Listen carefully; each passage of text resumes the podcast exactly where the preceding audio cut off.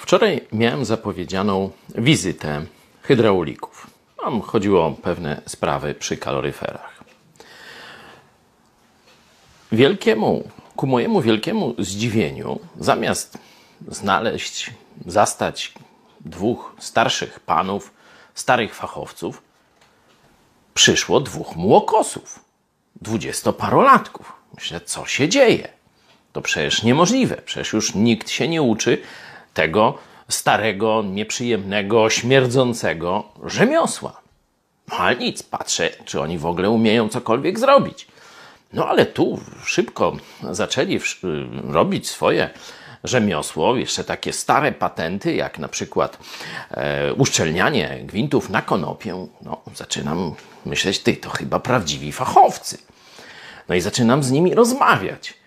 Dlaczego młodzi jesteście, zamiast na studia czy, czy jakieś tam inne kariery, wybraliście taki zawód? A oni stwierdzili, to jest bardzo perspektywiczny zawód. Tu mamy pewną pracę i dobre zarobki. Teraz coraz więcej jest zamówień na usługi, a nie ma kto tego robić.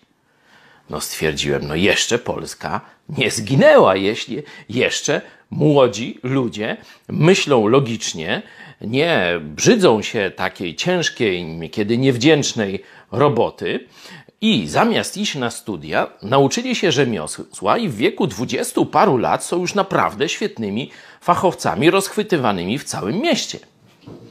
Bardzo dobry pomysł. Pomyśl, jeśli masz 14-15 lat, albo jeśli masz dzieci w tym wieku, czy czasem nie skierować ich w tą stronę. Oczywiście, jeśli są jakoś bardzo uzdolnione, niech idą na uniwersytet. Ale jeśli nie, niech nie marnują czasu i być może swojego życia w jakichś debilnych szkołach pseudowyższych. Niech się biorą do roboty.